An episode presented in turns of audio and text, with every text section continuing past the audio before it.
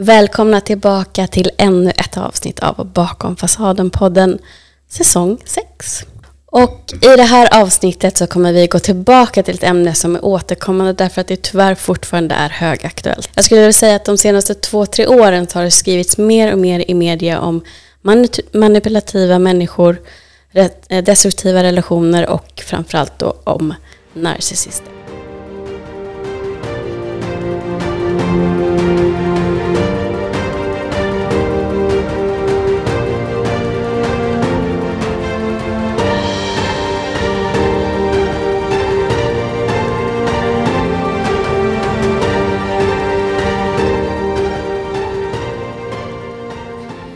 Däremot så upplever jag att det skrivs väldigt mycket om heterosexuella relationer där mannen är förövaren.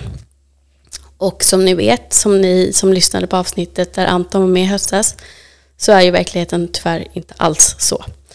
Det finns även kvinnliga narcissister.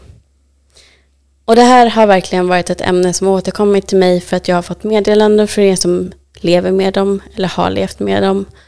Och eh, ju mer jag lär mig så vill jag också verkligen lyfta det här ämnet för att också hjälpa er.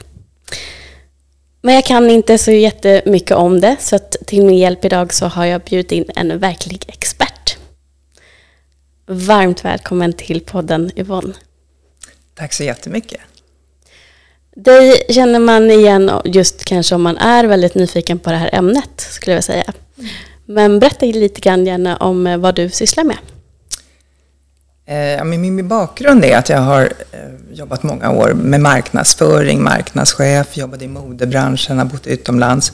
Sen blev jag mer och mer intresserad av ledarskap och vad som driver oss. Och idag, sedan ja, många, många år nu, jobbar jag med terapi och personlig utveckling, även traumabearbetning. Och har specialiserat mig på narcissistiska drag. Mm. Och hur destruktivt det blir, liksom att hela såren kring det, om det är din mamma, din partner, ett ex eller en god vän, arbetsrelation och så vidare. Alltså man får otroliga sår och trauman om man är nära dem. Mm. Hur kommer det sig att du just har blivit så bra på det här ämnet? Jag kunde se att det som ställde till det mest i samhället är just när saker inte stämmer. När man har med en, med en person där allting är bara fasad. Det verkar jättebra, men egentligen så är det en person med empatioförmåga, som inte känner något samvete, eh, som inte kan älska, som inte vet vad vänskap är, ömsesidighet är. Mm. Men de spelar excellent, att de är din soulmate, de är den mest underbara personen, det här är den bästa mamman i världen och så vidare och så vidare. Så man blir så otroligt förvirrad. Mm. Så jag såg att jag skulle gissa de flesta som går i terapi, så gott som alla som går till en psykolog, terapeut och så vidare, är för att man har haft med det här att göra i någon form. Mm. Jag tänker om man har varit med om till exempel en bilolycka, tsunami, människor har dött. Det är ju extremt obehagliga trauman, men där är vården ganska bra. Vi förstår att det är chock, att det är trauman, så det vet vi hur man ska hela. Men när vi, går liksom, när vi börjar jobba med oss själva så är det nästan alltid narcissism och psykopati vi har varit utsatta för, men vi förstår det inte själva. Mm. Och nu, tack och lov, så vet vi mer och mer för informationen sprids ju som en löpeld och det är jätte, jättebra. Mm. Mm. Ja, för det tar ju ett tag, det kan jag ju säga ur egen erfarenhet, att ens vilja nå den insikten att det här är det jag har varit med om eller det här är det jag är mitt i. Mm.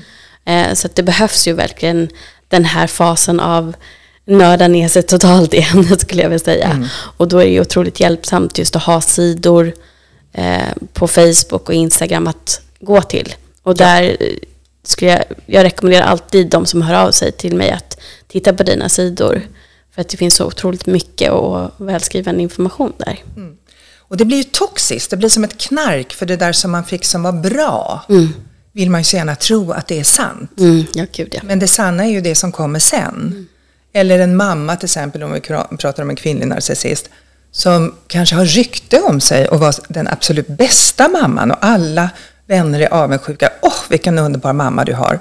Och så är det tvärtom. Mm. Det, det, är så otroligt konstigt. Mm. Ja, men jag tror ju just som du var inne på också att det beror ju på det att de är ju excellenta skådespelare. Ja. Och de visar en sida utåt och en helt annan person bakom stängda dörrar. Exakt. Och det är därför också man brottas så mycket med skammen. Därför att hur ska jag få någon annan att tro på mig när de har sett en helt annan sida av den här personen? Mm. Och också att man tycker att det är pinsamt. Man börjar skämmas på en nivå, men det förtrycker man. Att man är med om det här. Mm. Och så börjar man ofta försvara personer i fråga. Nej, men mamma menade inte det. Nej, men gud, mitt ex, hon har bara, eller min partner eller ex eller någonting har, har bara så mycket just nu. Eller den här vännen, nej men gud, hon har varit med om så mycket. Och så vidare och så vidare. Så man blir liksom deras bästa försvarare. Ja, gud ja. Ja, hur snurrigt är inte det? Men där hamnar man lätt. Och man skäms innerst inne för att man låter den här personen behandla en så rysligt, rysligt illa. Nej, men det gjorde jag verkligen. Så att det, det kan jag känna igen otroligt mycket. i. Den här skammen också när jag... För jag var ju också mitt i poddandet. Eh, när jag var i det senaste. Och då var det många som vände sig till mig för att de ville också ha relationstips. Och eftersom jag pluggade så mycket om relationer och lärde mig. Och så sitter jag och pratar och försvarar honom varför han har ställt in för 51 gången. Eller varför det här Ja. verkligen inte blir vi. För att nej men han har, måste göra det här först och det, det är så här och så här och jag måste läka det här innan. Och, ehm, han säger att jag är medberoende så jag måste jobba på det först. Och, ja. Det är som att man vill tro på det själv nästan. Man övertalar sig själv mer tror jag än vad man ja. egentligen övertalar andra. Ja, precis. Ja, nej det är hemskt. Ja, Men snurrigt. desto viktigare att vi, att vi pratar om det. Och ehm, som vi är inne på nu också, vi möter dem på många, många olika sätt. Det kan vara, ehm, om vi nu ska prata om den kvinnliga narcissisten, det kan vara din eh, chef, det kan vara din syster, din mamma, din, vad du tror, bästa kompis. Eh, och precis som i en kärleksrelation när vi har pratat om det här med lovebombing och liknande eh, så fångas man in i den här falska, perfekta världen till att börja med. Ofta om det i alla fall är en relation som börjar kanske genom skola eller om det är en väninna eller chef eller sådär. Man blir liksom förtjust i en illusion, den man tror de är. Och de dundrar så på med den. De liksom marknadsför någonting som de inte är. Och, och det är den man egentligen tycker om. Och det är så absurt att man är kär i en person som inte finns. Exakt. Eller man tycker om den här goda vännen som egentligen inte finns, för den är precis tvärtom. Eller man älskar sin mamma som, alltså hon är bara bäst, hon är så fin och alla älskar henne. Och så är allting tvärtom. Och det är också jättejobbigt att faktiskt ställa sig själv till svars för att jag tror ju faktiskt, i- jag tror på en fantasi att jag håller av någon som inte finns. Eh, och är det så att du, vare sig det är en heterosexuell eller homosexuell relation, är tillsammans med någon som är så här, så ska du ju också komma fram till att du är kär en person som inte existerar. Exakt.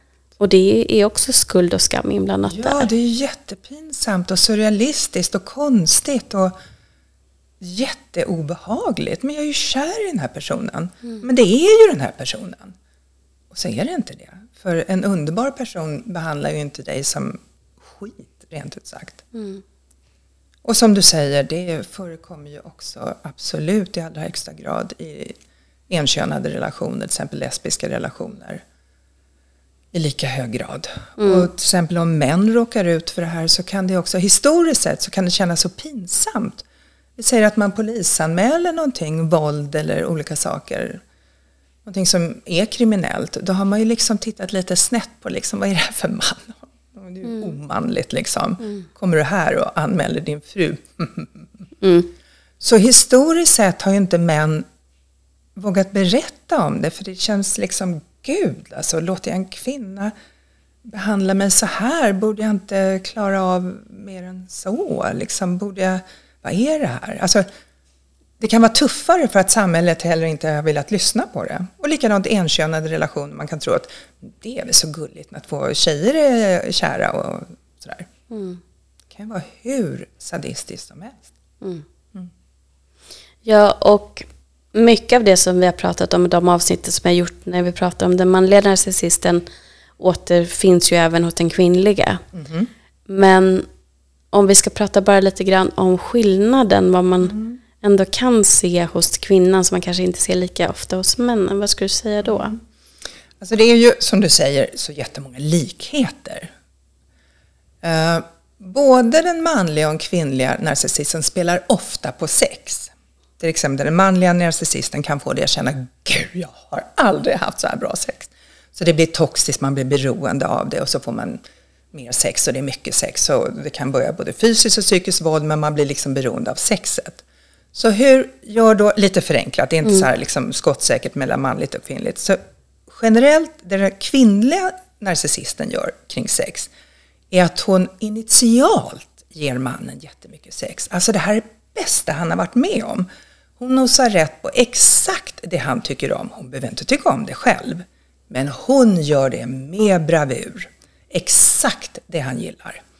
Och han känner sig då snygg och sedd och sexuell och manlig och härlig och tycker om sig själv. Jättemysigt. Och sen får han inget mer. Mm -hmm. Hon ligger där som en pinne eller hon klagar på hur dåligt det är och börjar flirta med alla andra eller hoppar i säng med hela stan. Och han får inget. Så de torterar lite olika. Det kan också switcha över att kvinnan gör som det manliga och manliga som det kvinnliga. Men överlag är det här den stora skillnaden. Mm. Och kvinnan gör sig ju såklart också till offer. Det kostar pengar att vara tillsammans med den kvinnliga narcissisten. Men det gör egentligen med den manliga också. Det slutar ofta med att man blir av med mycket pengar. Men kvinnan vill kanske ännu mer bli bortskämd, bjuden på dyra resor. Ja. Mm. Och hon går direkt om någon erbjuder mer. Så hon har ju aldrig varit kär, om det är en kärleksrelation, i den hon var med. Men vänskap också, om någon bjuder henne mer, hjälper henne mer, stöttar henne mer, betalar hennes hyra mer eller lån.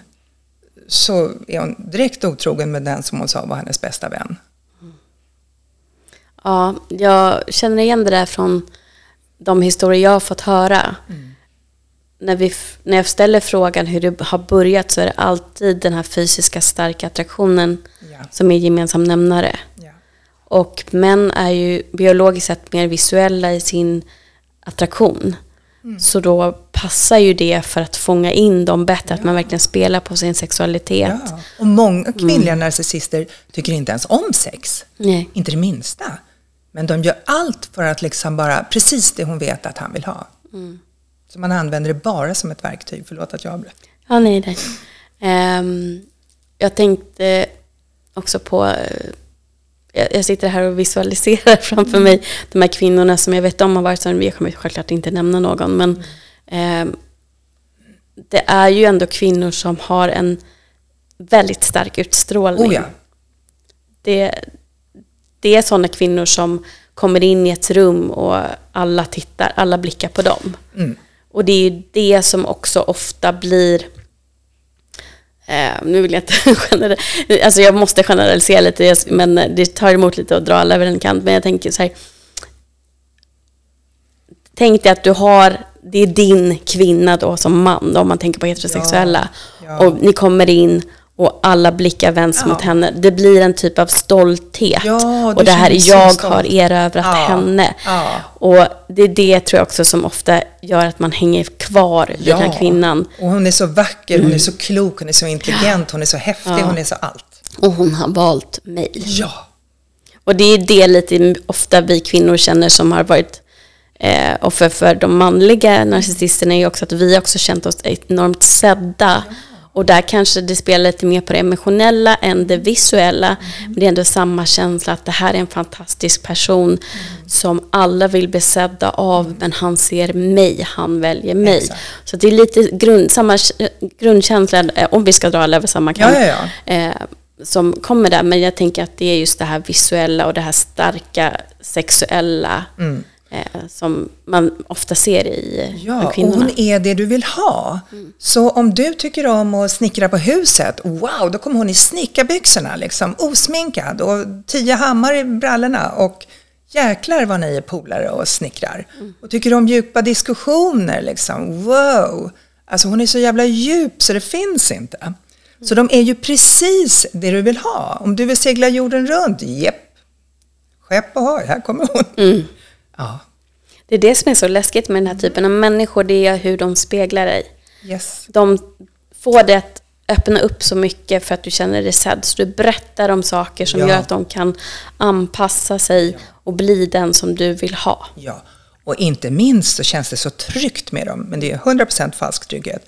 Men det känns så tryggt så du berättar om jobbiga saker du varit med om och kanske något jobbigt från barndomen eller du var mobbad eller en partner som, ja, jobbiga saker. Och du bara känner, det här är en så jäkla fin person. Gud vad vi är nära. Och en dag så får du allt vänt emot dig med bravur. Verkligen. Så att de lär sig också exakt vad dina svagheter Ja. är, vad är dina ömma tår Japp. och sen stampar de sönder de ömma tåren. Ja. Så du har aldrig känt något som har gjort så ont i hela ditt liv som det de då gör. För när du träffar dem så känns det som att här kommer allting helas. Nu kommer jag bli lycklig. Liksom, jag har varit med om kanske lite tuffa saker, några saker som inte var så kul. Men nu kommer allt bli mysigt. Och så är det precis tvärtom. De river upp det gamla såret och strör salt i det och vrider om så det blir infekterat och sen sticker i en kniv också. Ja, usch, det, är, det är hemskt. Ehm, och då tänker jag ju också att om du som man upptäcker att det här är någonting som du är inne i, att du dras då mellan att vilja såklart tillbaka till det här som var i början. Eh, du vill att hon ska göra allt för att du ska se henne och göra allt för att du ska känna dig sedd igen. Men du får bara mer och mer skit. Jag tänker också på Antons historia här att hon vände om och blev så otroligt kall. Mm-hmm. Och hur det bröt ner honom.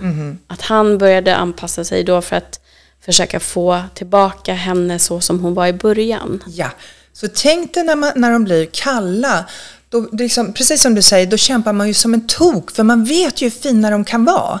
Så det är ju en jättemanipulativ teknik de har, att de bara försvinner, flörtar med andra, blir iskalla. Och då anstränger sig mannen, men hjälp liksom, jag måste få henne kärleksfull igen. Hon är ju så fin egentligen. Hon är så otroligt fin människa. Och det de får mannen att göra också, och även åt andra hållet, om det är en manlig narcissist åt andra hållet, liksom, man, man vill rädda dem, man tycker synd om dem, man vill skämma bort dem och bjuda dem och stötta dem. Och man förlåter och man är flexibel och man, man gör vad som helst för dem. Och de är, för narcissisten är mästare på att få dig att tycka synd om dem. De har varit med om så jobbiga saker. och att jag har barnröst nu, det är för att de är också infantila. Extremt. Narcissister är infantila. Det är alltså tidiga, tidiga traumasår som gör att de inte har utvecklats till en emotionellt vuxen.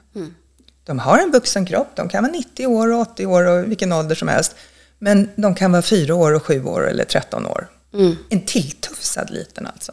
Ja men extremt mycket. Och jag, det var verkligen så mitt i prick för att när man väl börjar se igenom dem, då ser man ju det här lilla barnet. Sen så upplevde jag att det var det som gjorde det svårast att lämna. Därför Ja! då började jag tycka synd om det lilla trasiga barnet. Bingo. Men å andra sidan, du vill ju inte ha en relation med ett barn. Nej.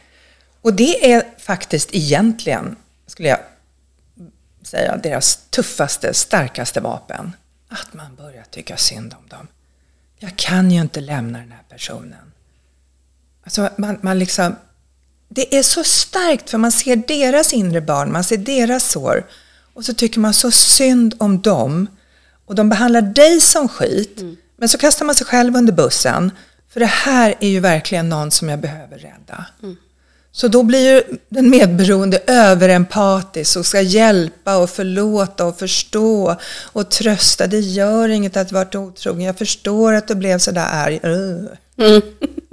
Ja men verkligen, man hittar på tusen och en ursäkter till varför de har gjort som de gjort för att man tycker att det är ändå så synd om den här personen och det är inte så konstigt att hon har gjort så eller han har gjort så för att han har ändå känt så här och så hittar man på saker och skapar ännu mer den här fantasibilden av Ja. den här personen för att man får ju fortfarande inte lära känna personen. Nej, för egentligen innerst inne är de tomma och det tror man ju inte för de kan ju vara passionerade, de kan vara filosofiska, de kan vara andliga, de kan vara superintellektuella, intelligenta och man bara wow, den här personen är djup i. Mm. Men allting är liksom bara teater, speglat, de rabblar som en bok. Mm.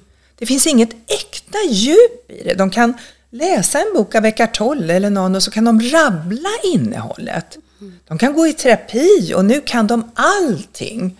Men ingenting har gått in i dem. Nej. Så de är alltså tomma egentligen på grund av tidiga trauman. Det har inte gått att spegla in i mamma och pappa eller de vårdnadshavare de har. För det var så osunt i deras uppväxtmiljö. Så de har liksom aldrig speglat, speglat in sundhet. Det är tomhet i dem. Och det går ju inte att leva med. Så tidigt någon gång, kanske ung tonårstid eller när de var unga någon gång, så börjar de upptäcka om jag beter mig så här och så här, wow, då kan jag manipulera. Jag kan manipulera med mitt utseende. Jag kan manipulera med det här eller det här. Och så lär de sig att bli den man vill ha. Mm. Och så charmig och så härlig. Mm. Så de blir otroligt karismatiska och bara wow. Mm. När allt är egentligen bara spel och fejk. Mm. Men man tror att det här är den mysigaste kompisen, vännen jag någonsin har träffat. Det här är verkligen den personen vi ska anställa. Hon är ju exakt det vi söker. Alltså det är typ för bra för att vara sant. Mm. Mm. Och det är också någonting att ha i åtanke att om det är för bra för att vara sant, det är därför att det är så. Om exakt. det känns som att det är så, så är det så. Exakt. Och det är ju så overkligt att det bara skulle vara spel, för vi längtar ju ihjäl oss efter att det är så här bra. Mm. Så då sveps vi in i det och typ vill gå på det, men vi tänker inte på att vi nästan börjar lura oss själva. För när det då börjar komma små tecken, för det gör det alltid, även tidigt, då vill man inte se det, men liksom det där var nog bara en tillfällighet. Mm. Nej, men så är det ju inte. Det här är ju verkligen en riktigt bra person. Men det kommer alltid tecken tidigt. Mm. Men vi förringar dem. Mm. Mm. Och vet man inte heller hur de fungerar så är det ännu lättare att blunda för de här ja. röda flaggorna. För att man kanske känner att det är någonting som skaver eller någonting som inte riktigt känns helt okej, okay, men man kan sätta fingret på det. Men ju mer kunskap som du har, desto lättare är det att känna igen att vänta, vänta, vänta. Det här har jag läst någonstans eller hört någonstans och nu gjorde hon så här. Ja, och det är därför kunskap är liksom första steget. För när man börjar känna check, check, check, wow, är det det här jag är med om? Då blir det så mycket lättare. Liksom. Det, det behöver vara första steget. Sen behöver jag ju såklart ta mig ur det på bästa sätt och sätta igång och hela mig. För har jag varit ett tag i det här så kan jag vara rejält tilltufsad. Mm. Och sen kommer en snurrig parameter till att jag kan liksom ha blivit besatt av det här knarket. De här highsen som jag får, de här liksom mm. wow, kickarna. Mm. Så nu kan jag ha blivit så beroende av de här kickarna. Liksom jag vill ha det här knarket. Så en sund person blir jag nu inte attraherad av. Mm. Så börjar jag nu dejta igen så kommer jag hitta en likadan fast den kommer i ny förpackning. Mm. För jag är beroende av det här knarket eller jag kommer gå tillbaka jättemånga gånger. Mm. Och vill ni förstå det bättre så kan jag också hänvisa till det avsnittet som jag har gjort där jag förklarar vad traumatisk bindning är för någonting. Eh, för det är så otroligt starkt. Japp. Men skulle du säga att man hamnar där även om det här är en familjemedlem eller vän? Ja men absolut, om jag tänker en familjemedlem. Vi vill ju tillhöra vår klan, vår familj. Vi vill ju inte att, nu när vi pratar om kvinnliga narcissister, att vår mamma, eh, att, att det ska vara så att hon inte älskar mig. Mm. Eller att det ska vara så att hon älskar mig villkorat och så vidare. Vi vill ju inte att det ska vara så. Mm. Så därför liksom kämpar vi på och, och, och, och krattar efter dem och, och hittar förklaringar och, och så vidare. För att det gör så ont liksom att min mamma, nej men så kan det ju inte vara. Mm. Nej men vi har ju med oss i, i tänket från första början att våra föräldrar ska vara de som älskar oss villkorslöst. Ja. Oavsett att det bara ska vara medfött. Ja, nej men precis. Och likadant vänskap, liksom. Vi kanske, en person kanske har det tufft liksom, och vi hjälper dem och det är en jättefin person och vi är verkligen själsfränder. Alltså vi tänker likadant, vi bara fasen vad nära vi är, i vått och torrt liksom. Vi är riktiga vänner. Och då vill man ju inte liksom helt plötsligt börja upptäcka, men gud den här personen verkar tala illa om mig bakom min rygg. Men gud, den här personen ger inte igen pengarna som jag lånat ut och jag verkligen behöver dem nu. Och så vidare och så vidare. Och då känns det också så här, men, i, men så kan det inte vara. Det här var ju så himla bra. Mm. Så man vill inte att, att det ska vara helt förljuget alltihop. Mm. Det gör för ont. Det gör otroligt ont och det är därför också som man går tillbaka ofta i mm. alla typer av relationer flera gånger. Jag tänker också om vi ska prata lite grann om att ha en förälder mm. som har de här dragen mm. eller den här personlighetsstörningen. Ja. Um, ett barn har ju väldigt svårt såklart att bryta med sin förälder. Mm.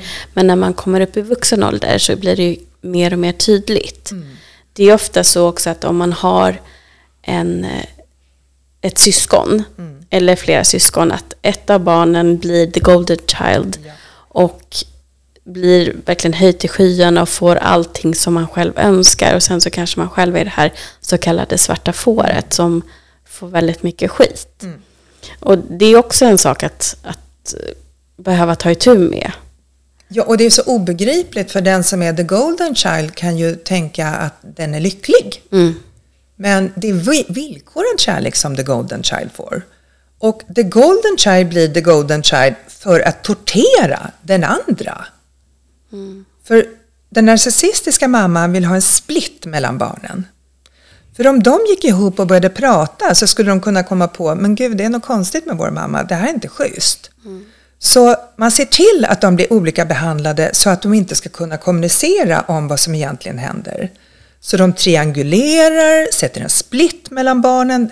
De klagar på att de bråkar och inte är vänner, men de är jättenöjda för det var det de ville ha. Mm. Och liksom ett barn då kan flytta väldigt tidigt hemifrån för att det kan också vara sanningssägaren. Den som säger, men det här är inte okej. Vad sjutton är det som pågår här? Det här är, det här är inte schysst. Mm.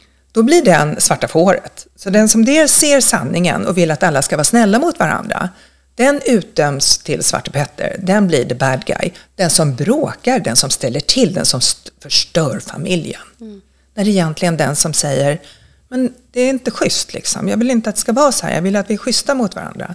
Då blir man the bad guy. Mm. Och det kan ju också ofta handla om pengar. Oh, ja. Att eh, the golden child får x antal hundratusen ja. för att köpa en egen lägenhet. Ja. Medan när det andra barnet ska flytta hemifrån så får de ingenting för att oj, men jag har inga mer pengar, varför ska du få det? Exakt. Jag vet personer som eh, på julafton till exempel inte får någon julklapp. Mm. Alltså det är helt groteskt och de andra syskonen får massa underbara saker. Alltså det, det är så utstaderat sadistiskt. Man mobbar sina egna barn. Ja, men är det inte också så att The Golden Child har också ofta liknande egenskaper som den narcissistiska föräldern. Det kan absolut bli en narcissist av mm. The Golden Child, men det behöver inte bli det. För den, eh, om den kommer på att den är lika mycket sviken. Mm. Vi säger att eh, ja, men jag tycker om att spela ishockey och så vill min mamma att jag ska bli eh, skridskoprinsessa eller prima ballerina på Wieneroperan. Och det är bara inte jag. Men så börjar jag leva upp till det hon vill för att och då, då älskar ju hon mig. Mm. Men det är bara inte jag. Mm. Så, så de kränker ju the golden child lika mycket, bara att de gör det så jäkla sofistikerat så man tror att man är älskad. Man tror att man är satt på pedestal. Mm, för att det blir så överösande det kärlek bara om dem. rätt ja. inom citationstecken. Ja. Så, så det här barnet blir hyllat för att då är mamma bra. Inte för att mamman bryr sig om barnet och är glad för barnets skull. Så om lilla Pelle eller min dotter har tagit den här examen eller går så bra för honom eller henne så, så är jag glad för Golden Child för att det gör mig mm. som den narcissistiska mamman. Mig, jag blir bra. Skiter fullkomligt i The Golden Child. Jag är nu en bra mamma mm.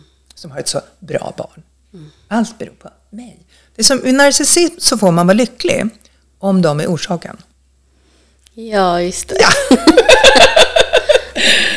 ja. Och när man fattar det, så om man kommer hem till mamma och säger Åh, jag är så glad för det här och det här och jag ska få med på det här och här. Men de var liksom inte orsaken, det var inte de som initierade det. Mm. Då är de helt ointresserade. Eller vad ska det vara bra för? Mm. Och så vidare. Jag tänker att vi ser det här ofta i filmer. Mm. Men då tänker man bara, ja men det är en elak förälder. Eller Ja. man tänker inte på hur, hur djupt det faktiskt kan vara om det skulle ha varit i verkligheten. Ja. Så de har alltså en oförmåga att känna, att älska sina barn. Mm. Och det är ju så groteskt tycker vi. Det är därför vi har tänkt liksom, så kan det ju inte vara. Och mammor kan ju inte, det är klart att alla mammor älskar sina barn. Mm. Nej, inte en ren villkorslös kärlek. Det kan de inte. Nej. För det är precis som när vi har pratat om i kärleksrelationer att Mm. den här personen inte kan känna kärlek, de kan spela Mm. kärlek. Oh, de spelar det med bravur, Mm. mästerligt. Och det gör ju de här föräldrarna också. Ja. För de har ju den här empatistörningen Exakt. som har gjort att när det här traumat har ägt rum i tidig ålder Mm. så har det hämmat, som Yvonne sa i början då, den här utvecklingen av att känna empati. Exakt. Så tänk dig liksom, de bara speglar in, alltså tänk dig att de är tomma. De kan se på en film eller se hur någon annan gör och så imiterar de det. Som de vet är samvete, vänskap, eh, lojalitet, kärlek, eh, moderskap. Så de bara imiterar. Det finns inte i dem. Och det är ju så obegripligt för mottagaren, till exempel om man är barn eller en kärleksrelation eller vänrelation. Det är så obegripligt att det skulle kunna vara spel. Ja. Det blir däremot komiskt, det måste jag ändå tillägga, när man vaknar upp ur det här Japp. och ser igenom dem och så hör- man någonting när man börjar dra sig ifrån och börjar Ja. bryta och de ska säga någonting för att hålla fast vid ens kärlek och energi då. Och jag var med om att han, i mitt fall då, säger en sak som jag precis har sett på tv i en relationscoach. Och det var så genomskinligt att okej, nu försöker han spela på det här. Ja, För att det här har han sett att den här killen som sa så blev så hyllad för det. exakt. Och det var så otroligt Det är komiskt. så tydligt när man Ja. väl börjar se det och då blir det till slut komiskt. Och det är befriande när det blir komiskt. Ja. Men det är precis så, så de gör till exempel ja, men i kärleksrelationer, alla relationer. Men till exempel jobbrelationer så kan ju du ha eh, sagt någonting till den här personen eller kommit med en lysande idé eller hjälpt personen och sen tar de upp det på något möte som att det är deras Mm. framgång och idé och eh, koncept. Ja. Och man bara står bredvid, va? Och de gör det som ingenting. Det här kom jag på. Nej men det är, det är till syvende och sist så att alla narcissister kan man säga livnär sig på andras energi, andras uppmärksamhet, andras kärlek. Ja. Det är deras bränsle kan Ja. man väl säga. Eh, så att om det här är din mamma, då vill hon ha beröm och kärlek för att hon är så fantastisk mamma och då får du tillbaka. Och då fastnar du liksom i den här onda cirkeln av att du måste hela tiden bekräfta henne för att hon ska ge dig den kärleken som du så desperat längtar efter. Och är det din chef så kanske du springer över dina egna gränser. Du kanske jobbar över jätte- jättemycket bara för att du vill ha det här berömmet som alla behöver eh, av sina chefer. För att du vet, men också för att du vet att annars kanske du blir utfryst. Ja. Eller att de eh, pratar skit om dig eh, med de andra kollegorna. Ja. Och jag tänkte på det där som eh, du och jag pratade om lite grann, att kvinnorna gör också någonting som, som är typiskt kvinnligt. Det kan absolut vara en man, men mycket mer vanligt bland den narcissistiska mamman, bland de narcissistiska mammorna. Det är det här som vi kallar Münchhausen by proxy. Det är, de gillar att ha ett sjukt barn. För då är de hjältar. Och de har offrat hela sitt liv och deras liv är så jobbigt som har ett så sjukt barn. Så de kan liksom förstora upp någonting som barnet redan har och så kanske läkarna säger nej men det här, nej det är inte, det är inte något allvarligt, det här kommer gå över eller det här är bara, det här är inget, det här är inte det du påstår. Yeah. Och då gör de så kallad doctor shopping. Alltså de går från läkare till läkare till läkare till de hittar en som går med på att ge barnet exakt den diagnosen som de vill ha. Och är det riktigt tokigt så kan liksom barn som inte ens är sjuka hamna i rullstol, få vara med om operationer, man får psykiatriska diagnoser och så vidare och så vidare, medicineras. Alltså det är grymt för att då blir mamman en hjälte. Att det är grymma övergrepp i Münchhausen by proxys namn. Mm. Det finns en film också om en verklig, som baseras på en verklig historia om just det här. Om man vill eh, djupdyka i det Ja, lite. Jag kan länka till den. I ja, men precis. Och det, det behöver vi förstå. Och sjukvårdspersonal behöver förstå att sånt existerar. Mm. Ja. Som vi har varit inne på i början så är det ju hela tiden det här igen. Kunskap kommer ge dig makt i att också se de här personerna och se igenom dem. Mm. Um, just när det är en syster eller mamma så är det ju betydligt svårare att bryta sig loss också därför att det kan ju vara så att om du bryter med den personen då så kanske du inte har någon familj längre. För oftast som Yvonne berättar så har ju du kanske redan också brutit med ditt syskon för att den kanske har varit the golden child och ni har blivit så osams. Så att du väljer mellan att ha ingen eller att stå ut med det här, den här misshandeln som det faktiskt är. Ja. Och om du bryter eller liksom blir den som säger det här är inte okej, okay, jag vill, vill, vill, bli väl behandlad. Då, då, alltså om du bryter med familjen eller vaknar upp i det så kommer du också bli så förtalad. Alltså de kommer sprida att du är psykopat eller narcissist eller alkis eller bråkmakare eller ja, liksom. Så, så du, de kommer sprida ut, narcissisten sprider då ut ett grymt, hemskt rykte om dig. Och det är liksom, tänk dig att det är precis som att vara med i en sekt. Om en person tar sig ur en sekt så kommer ju den bli hatad, förtalad av hela sekten och har liksom ingenstans att ta vägen för den har kanske vuxit upp i den här sekten. Mm. Och det är precis samma princip. Det är därför många är kvar. För att det är så obehagligt att, att, att få veta att man är djävulen själv eller ett monster eller att man sprider ut jätteonda rykten om en. Mm. Som folk då tror på. För narcissisten kan ju vara så charmig så att människor tror att jaha, gud var hennes dotter så hemsk. Mm. Eller vad det nu kan vara. Mm. Verkligen, och det... Jag förstår verkligen hur svårt det är att bryta då. Mm. Eh, men desto viktigare att du gör det för att även om det här är din biologiska familj så kan du då bli fri att skapa din egen familj med människor som faktiskt älskar dig för den du är, låter dig vara den du är. Och du får också möjlighet att läka. Yeah. Eh, är det så att du möter den kvinnliga narcissisten i en kärleksrelation så är det också väldigt svårt att lämna, särskilt om du varit där väldigt länge. Mm. Eh, men där är ju samma sak egentligen som jag och gästerna tidigare har sagt när det gäller manliga narcissister att när du börjar söka efter information, du börjar googla, du börjar lyssna på sådana här poddar, mm. då har du faktiskt börjat ta små, små steg därifrån. Ja. Och sen behöver vi ju ta upp, man kan ju faktiskt ha barn med dem redan. Ja. När man upptäcker det här, eller när man äntligen vaknar. Och då är det ju inte bara att gå. För då kommer ju barnen vara kvar. Och då kan det ju vara så, tyvärr lite grann, SOS och polisen och rättssystemet kan ju tro liksom, ja men det var ju bara ni två som inte trivdes ihop, nu kommer det bli så bra så. Inte alls. Mm. Så det som du fick innan kommer barnen ensamma få nu. Allt det helvetet drabbar nu bara barnen utan att någon skyddar dem. Mm. Så då behöver man ju verkligen lära sig väldigt mycket om det här. Hur kan jag agera? Och det, det absolut viktigaste då, jag bara tjatar, tjatar, tjatar, tjatar om det. Den personen som nu tar sig ur eller väljer att vara kvar för att skydda barnen, det finns inget rätt eller fel. Den personen behöver jobba intensivt med sig själv. För barnen behöver en sund och trygg person. Mm.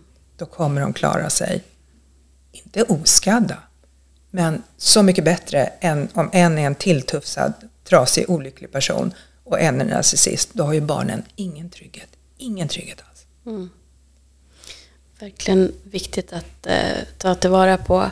Och också tänka på att just för att kunna hålla sig stadig i de här tillfällena. Om vi säger då att du har lämnat en relation, ni har barn tillsammans med under 18 den kontakten som ni ändå måste ha mm. Kan fortfarande begränsas. Det kan vara så att du väljer att kommunicera bara på en mejladress som du bara har för detta ändamål. Det vill säga att du kanske lämnar eh, inte, du lämnar inte ut ditt telefonnummer, du lämnar inte ut andra mejladresser. Eh, sen såklart kan den här personen hitta det ändå, mm, mm. men att du ändå försöker begränsa var du måste prata med den här personen. Ja. Så de kommer ju motarbeta och man får inte lämna dem. Man får inte säga nej. Och man får, partnern, mannen då, om det är en kvinna narcissist, får ju inte gå lyckligt vidare. Det är helt förbjudet. Hon kommer lägga all sin energi på att det inte händer. Det enda som kan rädda honom från att slippa det, alltså att hon går in för att liksom förstöra hans liv, mm. det är att hon har nu hittat något ännu mer gyllene så att hon har inte riktigt tid med det. Men hon kommer ändå göra så gott hon kan för att skada ett ex. Man lämnar dem nämligen inte. Mm. Så när man då skiljer sig så kommer de att motarbeta en hela tiden när man har delad vårdnad. Så det blir en form av parallell vårdnad behöver man inse. För i början kommer man försöka ha delad vårdnad och komma överens och det är fint att man vill det, för så gör man ju liksom om man skiljer sig. Men man behöver inse att den andra kommer motarbeta allting. Så om man kommer på någonting som är bra för alla parter, det är bra för mig, det är bra för mitt kvinnliga ex, narcissisten och det är bra för barnen, då kommer narcissisten förstöra det. För hon vill inte ha en lösning som är bra för alla, det är det värsta hon vet. Mm. Och när man inser att det är på den nivån, så läs på, jobba med dig själv, hela dig själv. Barnen behöver en trygg och sund. De kommer motarbeta allt vad de kan. Mm. Och i och med att de är så charmiga så möts man i rättstvister och sånt. Ja men de kan ju förföra SOS, de kan förföra polis, de kan förföra advokater, de kan förföra domare. Så att det verkar som att det är den andra som är förövaren, the bad guy, den som ställer till, den som sviker barnen, den som skadar barnen. Ja, alltså om man vet med sig då, man märker att nu är vi på väg mot en månadstvist mm. eller liknande även om de här personerna är skickliga på det de gör mm. så är det oftast så ändå att det finns typ sms eller ja, ja. att man kan spela in Spara samtal. Eh, alltså att du bara sätter på, om du har ett samtal i samma rum med den här personen, mm. att du sätter på en inspelning mm. och sparar det. Mm. Eh, allt som du kan göra. Du kan också föra dagbok och skriva ner mm. din upplevelse av ett möte eller mm. liknande.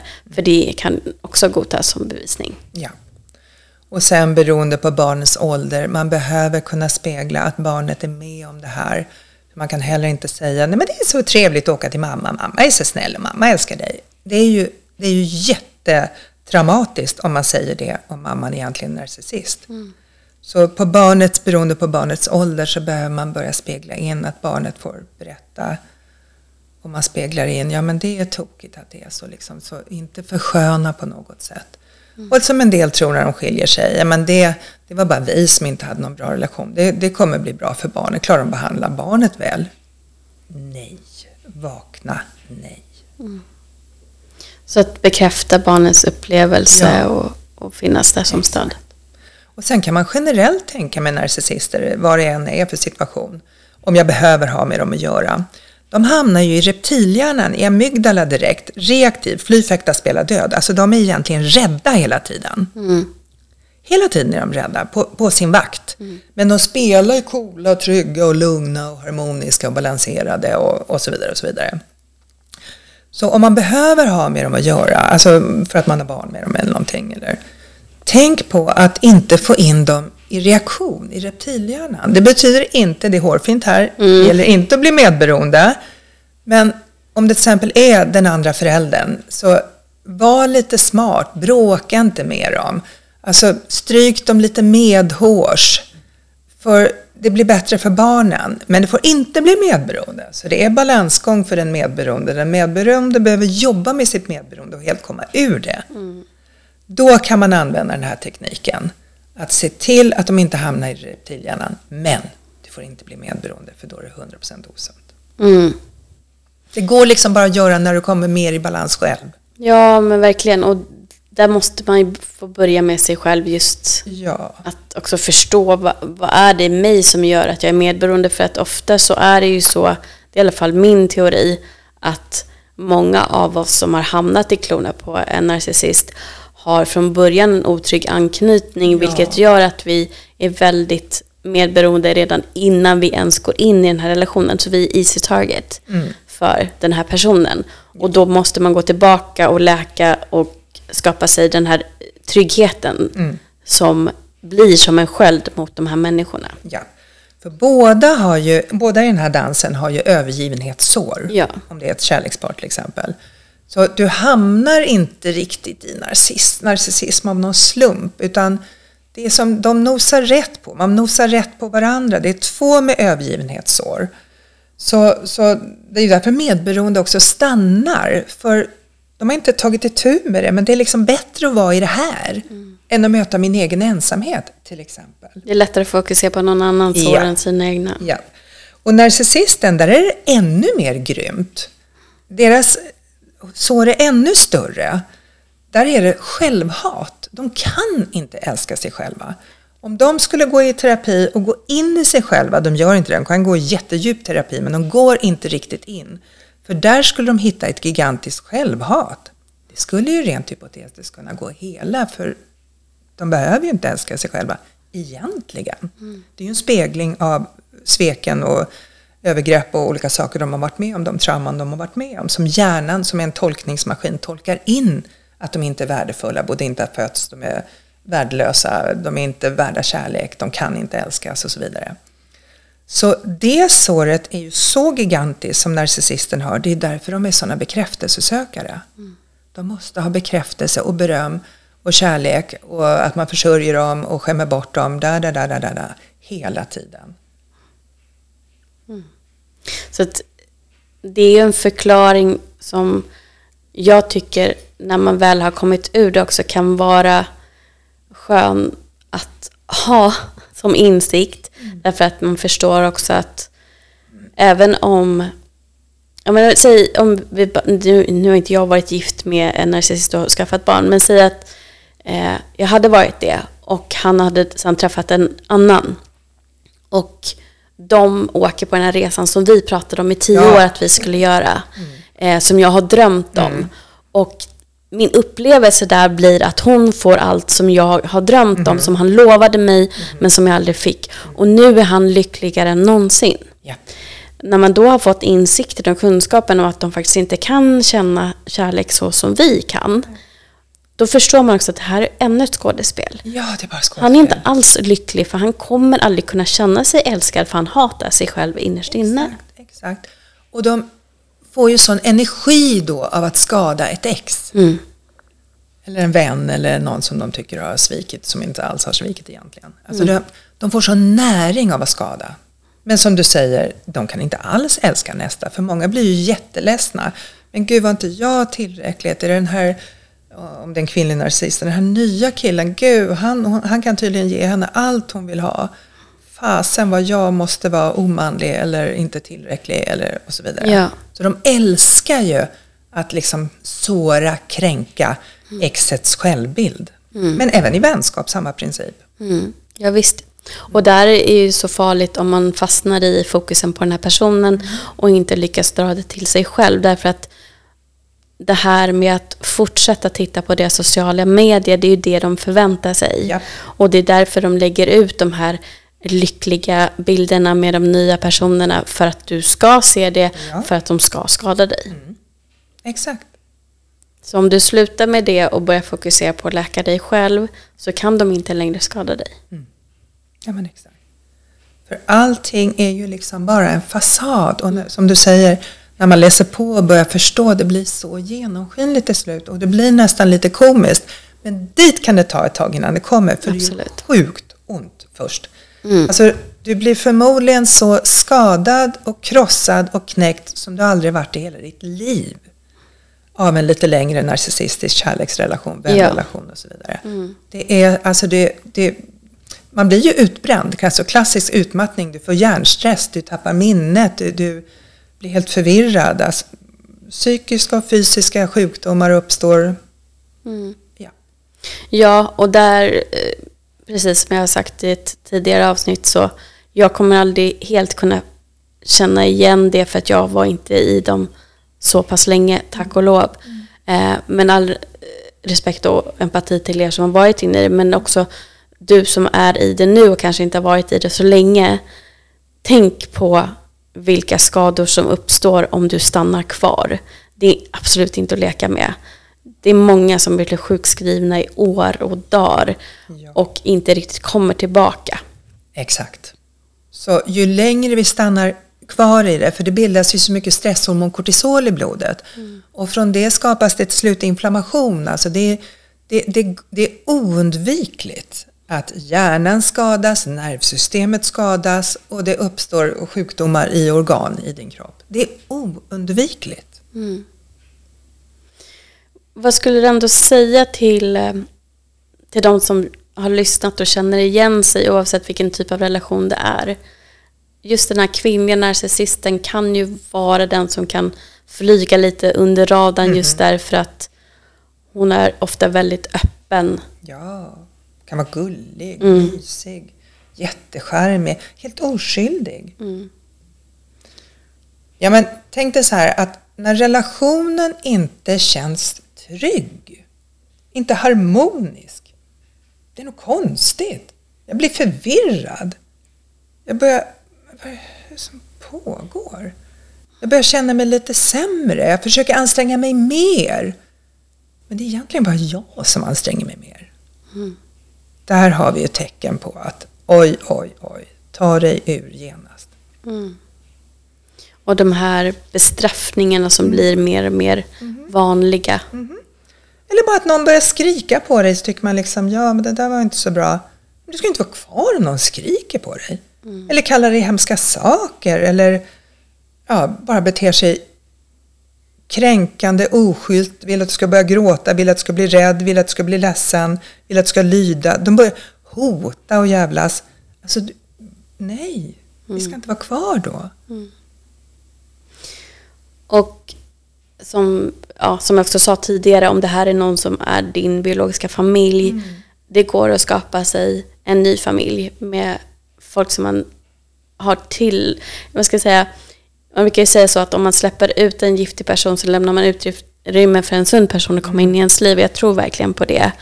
Och jag som också har bott utomlands på andra sidan jorden, hur nära jag, jag än var min familj här hemma så kunde inte vi ha samma relation för det var så långt ifrån. Och det blev verkligen så att man skapade sig sin egen familj där. Så att jag vet att det fungerar. Eh, och du kan ha vänner i olika åldrar, du kan få en ny mamma. Du kan träffa någon som kanske aldrig skaffade egna barn men fortfarande är en omhändertagande varm människa. Ja, visst är det bra. Och då har du hittat den, Ja! den mamman du förtjänar. Ja, så det är ju aldrig kört. Nej. Och det, är som, som medberoende blir man ju aldrig offer, men det är lätt att tro, oh vad jag är drabbad, eller varför fick jag just den här familjen? Men det blir som du säger, det går att skapa nytt. Det går att skapa ett helt underbart liv med vad vi än har Mm. varit med om eller händer just nu. Precis. Ehm, just i början när man börjar eh, låta det här sjunka in, att okej det här är det jag har varit med om eller det här är det jag är i, då behöver man ju också framförallt andra som förstår och som man vågar berätta för som visar en att jag tror på dig. Ja, och som har lite kunskap om samma sak så de fattar. Liksom. Exakt. Ja. Och där tycker jag att det är jättebra också att gå med i grupper och kunna prata med andra som är med om samma sak just när man är i den fasen. Men framförallt att man pratar med någon som kan det här. Ja. Och där är det ju jättebra att kunna helt enkelt eh, boka samtal med dig. ja, det är jättevälkomna om man behöver det. absolut. Kan du berätta lite om vad det erbjuder just till dem? Ja, alltså om det behövs där personen befinner sig så jobbar vi initialt med kunskap. Och har personen samlat på sig det ganska bra så sätter vi igång och jobbar sår, med såren som personen själv egentligen faktiskt hade innan man träffade narcissisten. Men som nu har blivit förvärrat med narcissisten. Så nu har jag sår plus sår. Mm. Så det är det vi helar, så att man till slut blir immun mot narcissism. Och det är så bra, för när den medberoende, om vi kallar det så, kan älska sig själv, ta väl hand om sig själv, sätta sunda gränser mot osundhet, vara sin egen bästa vän, lyssna på kroppen, lyssna på sig själv och behandla sig själv lika väl som hon eller han vill behandla andra, då finns det inga narcissister i ditt liv längre till slut. Mm. Så det är ju som en magnetism. Tilltufsad hittar tilltufsad. Men man kan ju vara på en skön plats i livet just nu så man inte går omkring och tänker på att man är tilltufsad. Men vi har lite saker lite längre bak i bagaget eller hej och hå Mm. som är orsaken att vi överhuvudtaget träffade dem. Mm. Så det helar vi då. Och det är bara varmt och kärleksfullt och tryggt och blir bara härligare och härligare och härligare. Och hur underbart är det inte att kunna tycka om sig själv, ta väl hand om sig själv och inte behöva ha narcissister mer i sitt liv. Verkligen. Och jag tror att det, det kan vara svårt att ta in för de som Ja, är där är inne. Men det det går verkligen att uppnå. Ja. Och framförallt, det, det som är det här vackraste i det hela är också att i och med att du går tillbaka och läker det som var från början, som jag var inne lite med det här otrygga eh, anknytningen och som du var inne på övergivnadssår, Mm. då kommer du också ha större förutsätt eller bättre förutsättningar för att hitta en sund relation efter. Ja. För när du kommer ur den, vare sig det är vänskap eller kärlek eller familj Mm. eller vad det är, så är ju din självbild knäckt. Du kanske inte tycker om dig själv, du tycker du är dålig, du tvivlar på dig själv. De får en att liksom tycka mindre om sig själv. Mm. Så, eh, och, man kan bli paranoid. Men gud, alla är narcissister, liksom. varenda en är ju Mm, det blir man ett tag. Ja, man blir lite paranoid. Eh, och då bör man se att det är ett naturligt, en naturlig fas. Så då kan det låta som en jäkla utopi, liksom, att må bra, och tycka om mig själv och ha sunda vänner. Liksom, var ska jag hitta dem? Men du är i den här fasen först, där hamnar man. Och sen jobbar vi på och helar såren. Och det blir mer tryggt, harmoniskt, glädjerikt, kärleksfullt. Och till slut kommer humor och glädje in. Och, och. Exakt. Jag tror verkligen på att man måste få gå igenom de olika faserna. Absolut. Och just när man är i den här fasen när man tänker att oh, gud, alla är narcissister. Mm. Det är också därför att just då måste du implementera och verkligen få ner all kunskap, allt du lär dig även i kroppen. Ja. Så att det får läka och då måste du få ha uppe din skyddsmur så att säga. Då måste du nästan gå till det undvikande för att du ska inte ha nya relationer där och då för du är under läkning. Ja, man behöver slicka såren som en Ja. liten katt eller någonting. Alltså det behöver läka först. Mm. För annars träffar man en ännu värre, för man drar ju åt sig det. För först har jag mina tidiga sår och sen har jag sår från det här. Dejtar jag då, då kommer jag träffa det värsta jag träffat i hela mitt liv, för nu har jag ju sår plus sår. Ja, Eller jag kanske har haft flera osunda relationer. Mm. Jag har sår plus sår plus sår plus sår. Kan ju bara tänka dig vilken person det blir. exakt. Som kommer komma i en förpackning och bara vara den mest underbara, Mm. så härliga, gulliga, gosiga lilla personen. Ja. Ja. ja, men så är det verkligen och därför så kommer det fortfarande vara det här tjatandet, både från mig och mina gäster, att tillåta allting att ta tid. Ja, exakt. För det vi tillåter ta tid, det, det blir den här paradoxen. Om det får ta tid, jag brukar säga mantrat är jag har all tid i världen. Bara, Nej, jag har inte all tid i världen kan det kännas som. Men om jag har det som mantra, då kommer det paradoxalt nog gå fort. Men jag har inte tid med det här, jag måste vara frisk nu. Jag måste må bra nu. Eh, Jag måste ju ta hand om mina barn, jag har inte tid att må dåligt. Bla, bla, bla, bla, bla. Ja. Då, då, då kommer det ta en väldig tid. Så om jag låter det få ta tid så kommer det gå så fort som det kan gå. Mm. Exakt, och vi har alla olika förutsättningar beroende på hur länge vi har gått med våra sår också. exakt. På att det tar olika lång tid, men oavsett så kommer det inte ta lika lång tid som du har levt med dina sår. Exakt, verkligen inte. Och det är ju som, som medberoende, det finns ju en terapeut som heter Ross Rosenberg, en amerikansk, som, en amerikan, som han kallar istället för medberoende self-love deficit disorder. Mm. Och det är det ju. Så när den medberoende börjar behandla sig själv väl och tycka om sig själv och sätta sunda gränser, lyssna på sig själv, älska sig själv, då blir livet väldigt enkelt och medberoendet är helt borta. Mm. Ja men så är det faktiskt. Och det, när jag bara tänker tillbaka på min egen resa, så det har ju varit... Jag har hållit på och poddat nu snart i tre år. Och när jag började så var jag mitt inne i det. Ja. Och jag gick i terapi 2020. 2021 så bröt jag helt. och nu 2023. Så att det känns verkligen som det har gått fort ändå, även om det inte kändes som det när jag var mitt i Nej. det. Och så, så kommer det ju vara, men Det kan kännas som att man aldrig kommer bli hel. ja, Först, liksom första fasen absolut. där. Och det hör till. Ja, det hör till. Och det, det kommer du märka också om du börjar prata med andra och framförallt om du som man känner att du, du vill prata, du har ett behov av att prata och börja prata med eh, terapeut och andra män som har varit i samma situation. Då kommer du märka att oj, det här är så många som har varit med om och då börjar det här hoppet växa mer och mer att det kommer bli bra en dag. Vad, vad bra att du tog upp det. Jag kommer att tänka på att det kan vara bra att veta att när jag jobbar med det så här så har jag lika många män som är utsatta för narcissistiska kvinnor, partner, ex, mamma och så vidare. Eh, chef, kollega. Exakt lika många män. Det är ingen skillnad. Mm. Nej, och det är därför jag tycker att det är så viktigt att vi tar upp det här eh, och också verkligen uppmanar er som lyssnar att dela det här avsnittet. Eh, just för att det finns ju så många som kanske inte har sagt till någon att de lever så här. men behöver höra att de inte är ensamma. De behöver höra vad det beror på.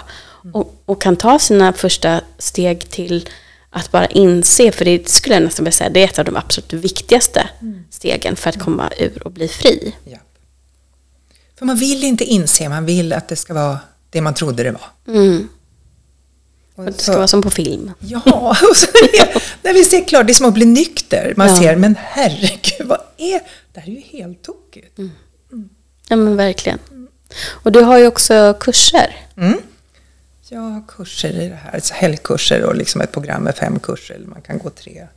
Ja, lite olika. Men, men det blir otroligt fin och kärleksfull miljö. Och, alltså det blir som att, där, där kan vi prata om familj. Det är som att, men gud, så här nära är, är jag inte ens mina närmsta vänner eller min mamma eller vad det nu kan vara. Eller min, ja, min familj. För, för det, blir så, det blir så naket, det blir så rent, det blir så äkta, det blir så kärleksfullt, det blir så välvilligt. Och det är där vi tycker om att vara.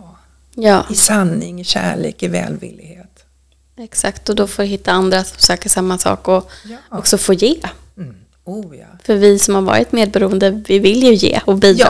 Ja. Men på ett sunt sätt. Nej, men det är något fint att ge. Och det ska vi aldrig sluta med. Men den medberoende kastar sig under bussen och räddar resten av världen. Det är 100% osunt. Ja. Ja. Men då kan man känna att man får bidra samtidigt som man räddar sig själv. ja. Och det är jättefint. ja. Och det känns bra. Exakt. Där ska vi vara. Mm. Narcissisten ger med en prislapp. Exakt. Ja. Så tänk på det. Det finns såklart ännu mer att prata om, men det är också mycket att ta in. Så vi ska börja avrunda här. Eh, är det så att du känner igen dig och inte har vågat prata med någon annan, så hör jättegärna av dig. Eh, jag kan också såklart eh, alltid förmedla kontakt. Eh, men jag skulle också varmt rekommendera att också lyssna på andra poddavsnitt som Yvonne har varit med om, varit med om, varit med i ska jag säga. Eh, så jag tänker att jag eh, nämner dem också i beskrivningen. Som vanligt så titta alltid i beskrivningen om ni vill ha kontaktuppgifter till mina gäster, för det står alltid där.